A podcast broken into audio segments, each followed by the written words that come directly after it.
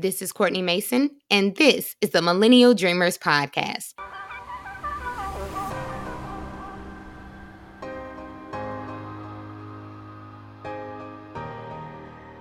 Welcome, welcome, welcome back. I hope you've been well. I have been fantastic.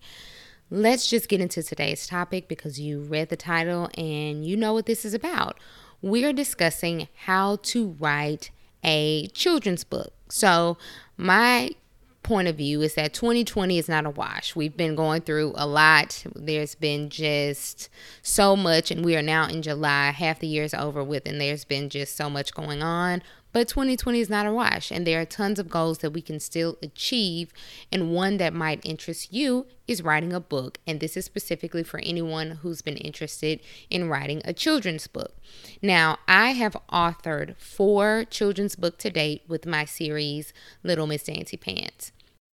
The latest book, which was Little Miss Dancy Pants Takes Tap, debuted number one on Amazon's new releases for children's children's books about dance.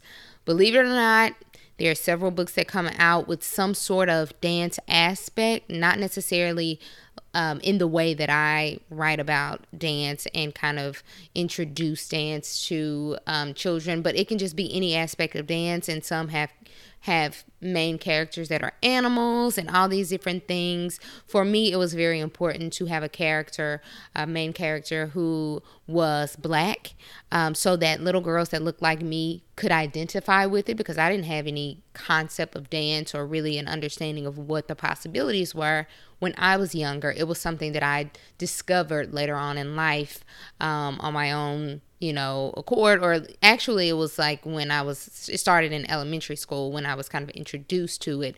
And then as I went on to um, junior high and high school, then I was really introduced into the world of dance and the various aspects of it. So, before getting into the, the, tips are you know the few tips that i have for you i wanted to talk about you know just briefly my writing career.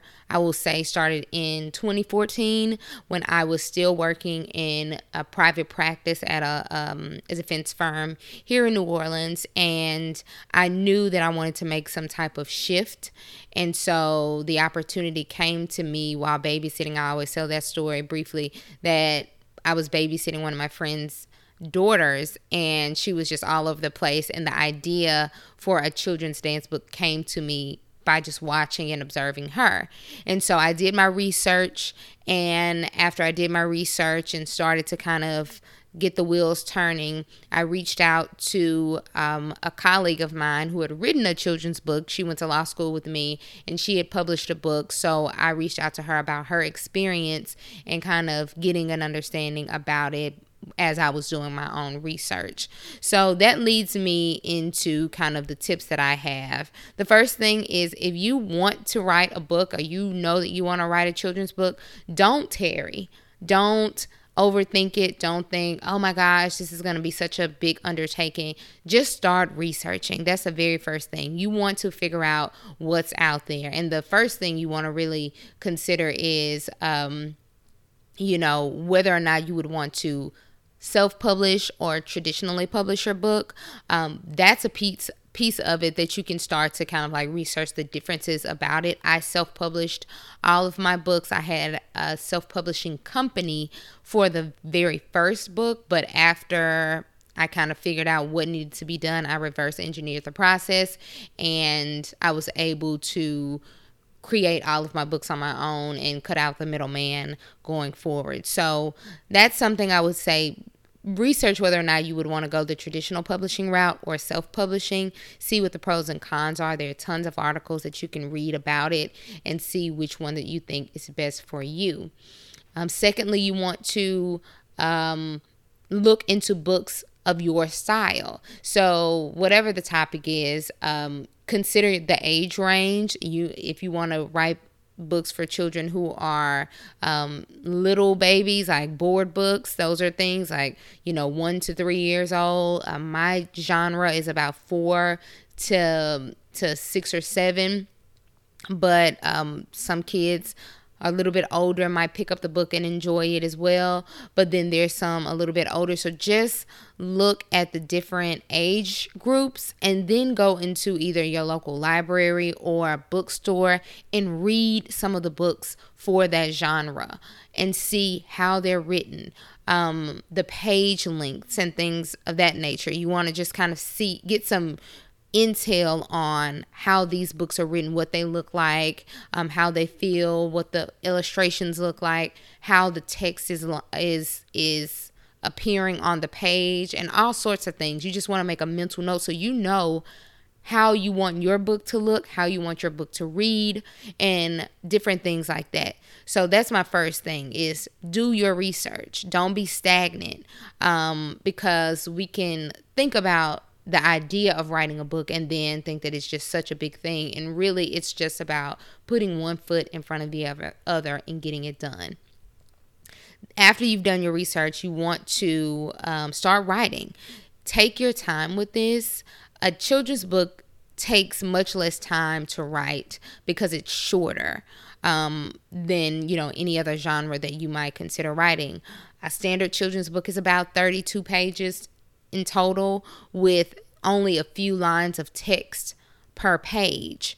So, with that said, even though it's shorter, even though there's much less text, each sentence needs to add value to the story, right? You want to kind of make sure that it builds, each page builds on the story in a meaningful way so that the reader can follow along and they're understanding where you're going with um, the theme and things of that nature. So you definitely want to make sure that you take your time with it.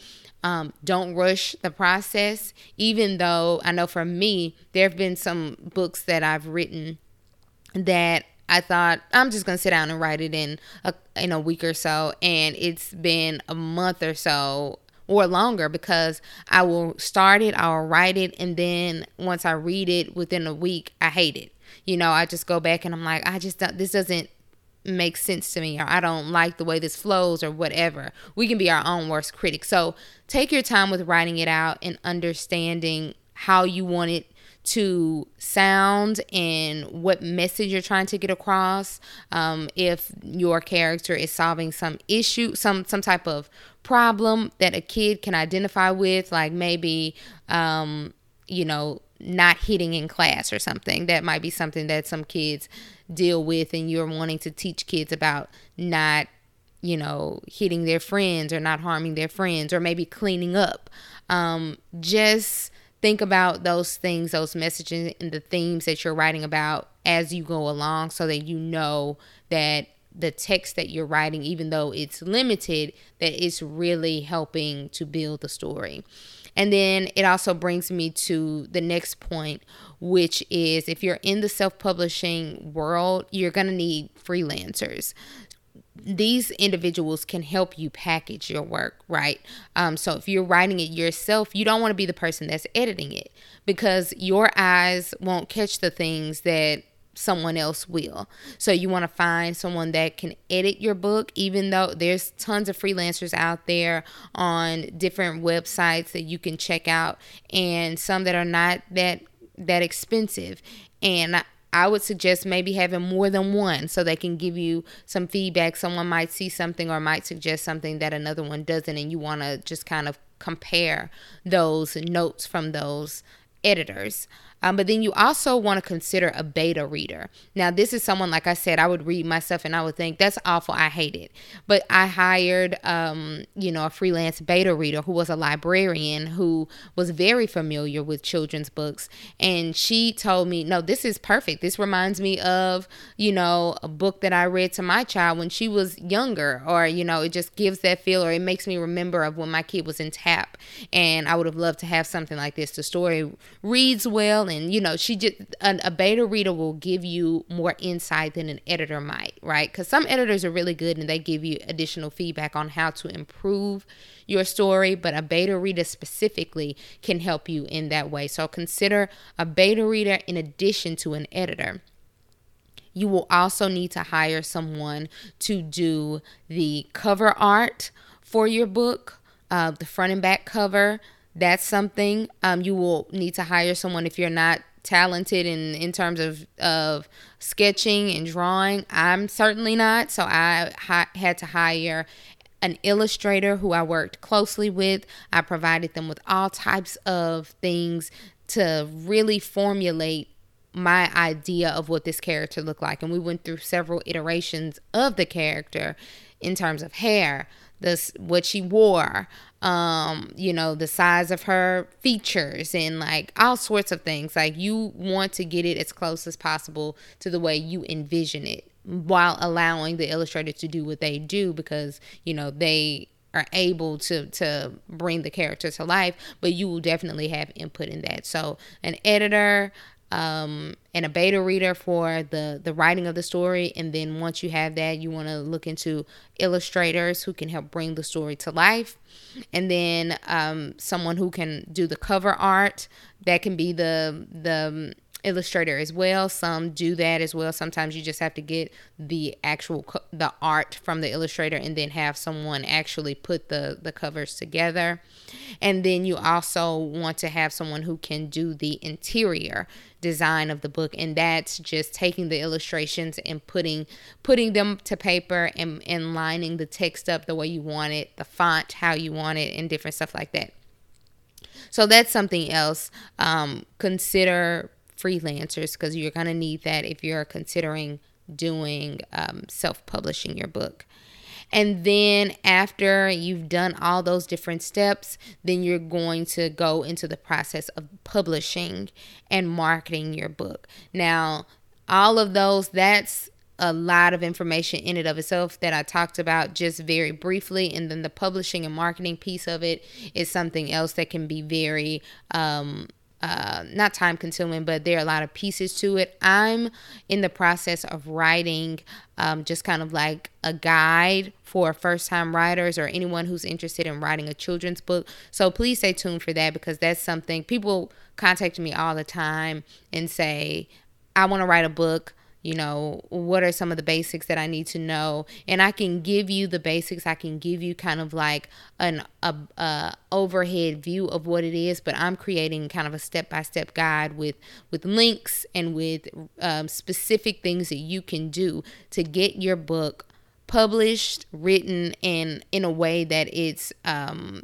you know crafted exactly how you want to how you want it and it has feedback on how to make the story better and how to publish it and market it and really get it in front of eyeballs so that you can have a number one a bestseller um, or new release when you first release your book because I know that's a goal of a lot of people. You want you don't just write the book just to write it. You want to write it so that people or children can read it and benefit from it and they can learn from it and say I can identify with it because it for me it means so much to to hear a parent say my child said, "Mom, this is me." Mama, this is me. Daddy, this is me. And it just m- makes me know that I'm going in the right direction because I'm helping someone take something with them, a piece of their, a positive piece of something that they can take with them as they grow up and say, I remember reading this book. This made a difference. I then read this book and knew what this style of dance was or just I had an image of a rambunctious child that you know had a lot of energy but she had talent and she was able to do a lot of different things and learn a style and I I was exactly like that. So that's important to me. So figure out what your why is for writing your book and make sure that you hold on to that as you go through the process because it can be um a challenge throughout like anything else. From start to finish you might hit some snags in the road but if you remember your why why you're doing this and and just keep that in the forefront of your mind all will be well. So um, i hope this these brief tips will help you out just to get started, but I will absolutely let you know as soon as the um, guide is finished. I will announce it here on the podcast so that you know and you can you can um, go straight to the email subscription um, or however it will be packaged. I'm, I'm not really sure yet, but as soon as it's ready and available, I will certainly let you know. So, with that said, that is all that I have for this week's episode. I hope you you are being well, staying blessed. And please, if you don't do anything else, please take care of yourself. Peace. Thanks for listening to this week's episode. But before you leave, hit the subscribe button and leave a comment. We want to know what you think about the episodes that you've heard so far. Let us know by subscribing and leaving a comment. And again, thank you for tuning in. Soon. Peace.